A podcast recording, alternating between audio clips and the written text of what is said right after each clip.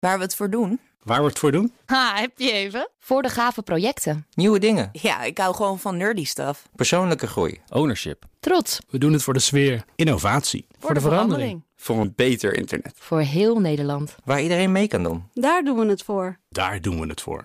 Waar doe jij het voor?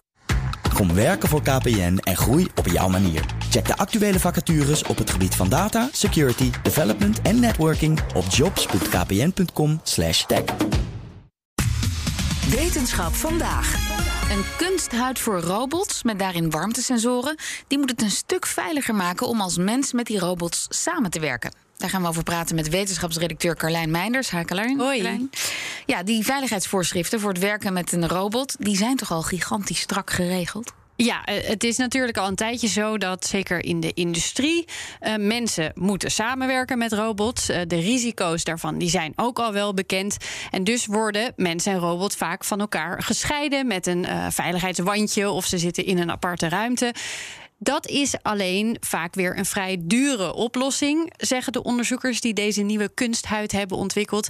En het zorgt er soms ook voor dat de interactie tussen mens en robot, die moet heel precies zijn in veel situaties, niet perfect werkt. Het zou beter kunnen dus. Ja, dus die robot moet een echte collega worden, zeg maar. Ja, eigenlijk wel. En hoe zou een kunsthuid daar dan wat aan kunnen doen? Het idee is, uh, als er op robots sensoren zouden zitten... waarmee personen gedetecteerd kunnen worden... dan zouden die problemen opgelost kunnen worden. En hebben we dat, dat soort sensoren niet al in... bijvoorbeeld in de auto, als je achteruit parkeert... dan hoor je ook piep, piep. Ja, ja het gaat wel om uh, bewegingssensoren... maar ze moeten vooral mensen kunnen zien. Uh, dus ze reageren in dit geval op warmte... vergelijkbaar met sommige inbraaksensoren, zo kun je het een beetje voorstellen. Maar het nadeel van zo'n soort sensor is: het is er vaak één en die kijkt naar een beperkte ja. ruimte. En laat ja. bijvoorbeeld weten: er is iemand in deze ruimte. Maar voor robottoepassingen heb je gewoon veel meer nodig, vertelt Eugenio Cantatore van de Technische Universiteit Eindhoven. In ons geval is het een beetje anders, omdat er zijn heel veel sensoren. En je maakt met deze sensoren een soort van hout. Die kan aangebracht worden op de uh, robot. Op die manier ben je in alle verschillende richtingen gevoelig. En kun je zelfs waarnemen van welke richting komt het signaal. En dus op die manier kun je inderdaad beter waarnemen, ook met meer nauwkeurig waarnemen. Ja, het is dus een soort uh, folie met daarin allemaal sensoren. Gemaakt van uh, flexibele elektronica. Dat hebben ze op een hele slimme manier gedaan. Door de uh, elektronica op de ene folie te plakken. En de sensoren op de andere. En dat dan weer netjes op elkaar. En dat leverde dus een hele flexibele folie op uiteindelijk. Ja, dan moet ik nu een beetje denken aan van die telefoonschermpjes. Die zijn ook flexibel. Ja. reageren ook op warmte. Ja, die beginnen nu ook enigszins succesvol op de markt te komen. Ja, die kwamen er ook niet al te best op eerst. Nee, dat begon een beetje moeilijk. Uh, maar deze onderzoeker, dat is wel grappig, uh, was eigenlijk betrokken bij het begin daarvan. Twintig jaar geleden werkte hij al aan uh, flexibele elektronica. Dus misschien heeft hij ook wel meege, meegeleverd aan de kennis die daarvoor nodig was om die schermpjes te krijgen. Maar ook hierbij heeft hij daar natuurlijk wat aan. In dit geval moet het alleen nog veel dunner zijn, omdat je het ook echt om dingen heen wilt plakken. Ook iets wat rond is bijvoorbeeld. En het is ook niet een touchscreen bijvoorbeeld. Je raakt het niet aan, maar het moet juist op afstand iets kunnen zien. Maar lijkt het qua materiaal en techniek dan, dan wel wat je op zo'n beeldscherm vindt? N niet helemaal, want een, een beeldscherm uh, zendt licht. En een sensor moet het juist kunnen opvangen. En zitten er dan allemaal piepkleine camera-lensjes in die flexibele folie? Dat zou je denken, inderdaad. Dat was ook hun eerste gedachte. Maar in dit geval hebben ze er toch niet voor gekozen. We hebben wel een soort van spiegels ontworpen. Een, een tractor en funnel in het Engels.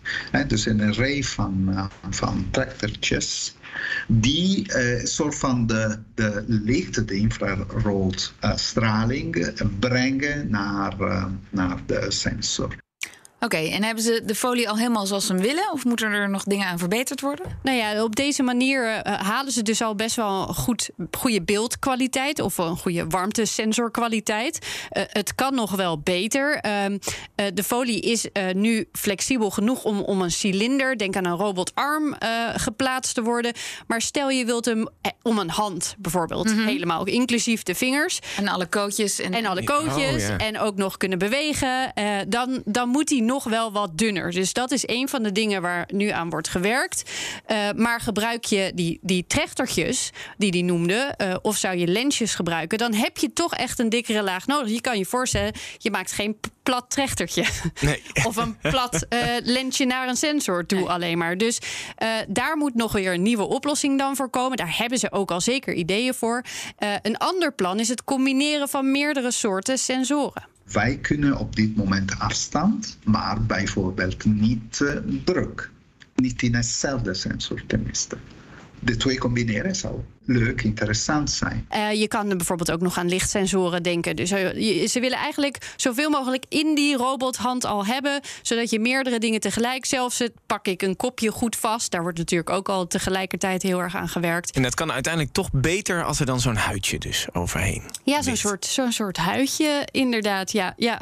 En um, uh, de materialen die hiervoor nodig zijn, je zou denken dat lijkt dan op een chip bijvoorbeeld. -huh. Het zijn ander soorten materialen. Ze worden geprint, die folies. Dat is ook nog een voordeel in. Wil je er heel veel van maken, dan kan dat dus gewoon uit de printer komen. Dat levert ook weer heel ander soorten fabrieken op uiteindelijk dan we nu voor bijvoorbeeld chips hebben. Dus dat is fijn, want we hebben ook een tekort. We hebben een tekort, daar vroeg ik ook al naar inderdaad. Dat, dat, is dus, dat zijn ander soorten dingen die gemaakt worden. Dus hopelijk hebben ze daar dan wat minder last van bij het maken van deze flexibele huid voor robots. Dankjewel, Carlijn. Ook Thomas van Zeil vind je in de BNR-app. Je kunt live naar mij luisteren in Zaken doen. De BNR-app met breaking news, het laatste zakelijke nieuws... en je vindt er alle BNR-podcasts, bijvoorbeeld Het Nieuwe Geld. Download nu de gratis BNR-app en blijf scherp.